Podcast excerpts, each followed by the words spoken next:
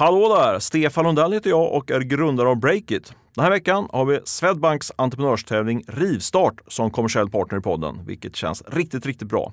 Nu kör vi! God morgon, det här är Breakit Daily och jag heter Katarina Andersson. Vi har snackat om butiksdöden och nu hotar e-handelsdöden också. Men Naked-grundaren ligger inte sömnlös. Han kan rå på Jeff Bezos, säger han.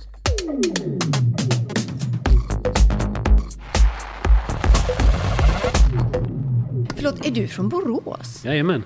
Jag är från Ulricehamn. Trevligt. Sjuhärad. Det här är jag som lantisbondar med modekungen Jarno Vanhatapio om att vi är från Knallebygden båda två. Han har grundat klädsajten Naked, bolaget som nu spränger miljardvallen i försäljning. Jarno var en av talarna på Breakits event Retail Tech igår. Tack så jättemycket Jarno för att du ville komma hit. Ja, tack så mycket. Och den här dagen handlar såklart en hel del om e-handelsjätten Amazon som hovrar som en hotfull rovfågel över svenska e-handlare. Det är världens mäktigaste eh, liksom, motståndare inom retail, så är det ju. Bara de kommer in här och gör det på tre fjärdedels eh, fart så kommer de ställa till mycket eh, bekymmer. En granskning som prisjämförelsesajten Pricerunner gjort i veckan visar att en av tre e-handlare ligger risigt till och förlorar pengar. Många andra har för små marginaler och det gör dem sårbara.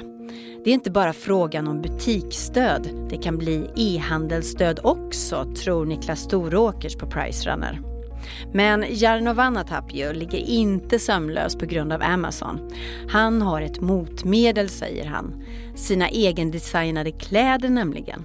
Det är just, just den klänningen, om inte vi bestämmer oss för att sälja där, så just den klänningen eller den tröjan kommer de inte kunna ha. De kommer kanske ha liknande eller andra, men inte just den. Det här är en genomtänkt strategi, berättar Jarno. För jag gjorde ett eh, medvetet val innan jag startade eh, Naked att jag ska aldrig mer vara i händerna på någon annan. Så länge vi är unika kläder så tror jag Jeff Bezos inte kan rå på oss.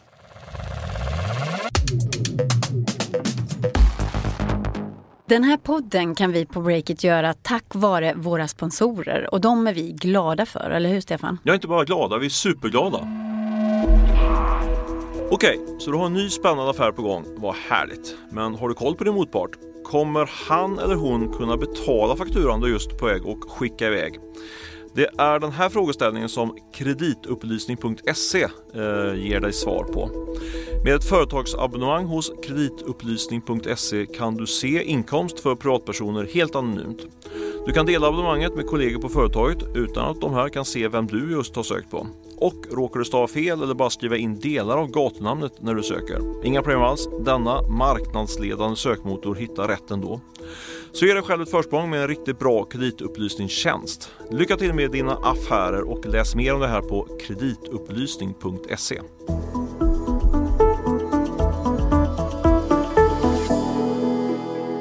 Skulle du kunna köpa bil online precis på samma sätt som du köper en matkasse med ett enda klick?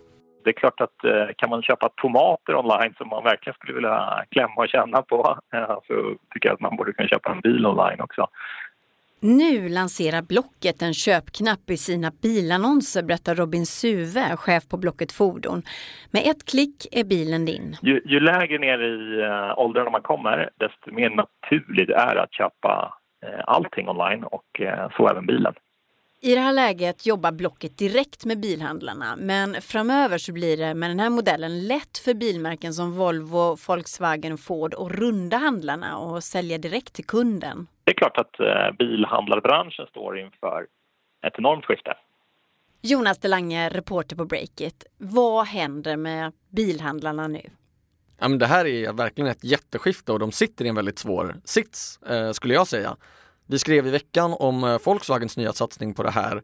Och det är ju en av världens största biltillverkare, sålde 10 miljoner bilar förra året som nu gör om hela sin säljstruktur för att kunna börja sälja direkt till konsumenter. Då. Mm -hmm. men, men vad igen då ska hända med bilhandlarna när de här handslagen i butiken inte behövs längre? för mig som själv inte äger någon bil eh, eller behöver det så, så låter det som att hela deras existensberättigande försvinner. Men i verkligheten är det nog snarare så att de kommer få en lite annan roll bara. Eh, folk kommer ju inte plocka ut sina bilar i postluckan på ICA liksom. Man behöver fortfarande någonstans ja, no, någon distributionscentral att hämta ut fordonet. Man kanske vill provköra, man behöver lämna in det på service, sådana saker. Eh, men det ska ju tilläggas då att en viktig del av kundrelationen hamnar hos tillverkaren nu eftersom det är hos den man då, eller ja inte nu men i framtiden då, mm. eftersom det är där man gör köpet. Det är ett stort skifte.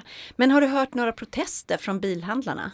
Mm, alltså vare sig Volkswagen eller bilhandlarna vill medge att det finns någon konflikt i det här överhuvudtaget. Budskapet är liksom att vi gör den här satsningen tillsammans. Eh, men faktum är ju likväl att, att tillverkaren tar en större roll. Det ska tilläggas också att det här kommer ju ta tid. Jag pratade med, med Anders Parment som forskar om bilbranschen på Stockholms universitet.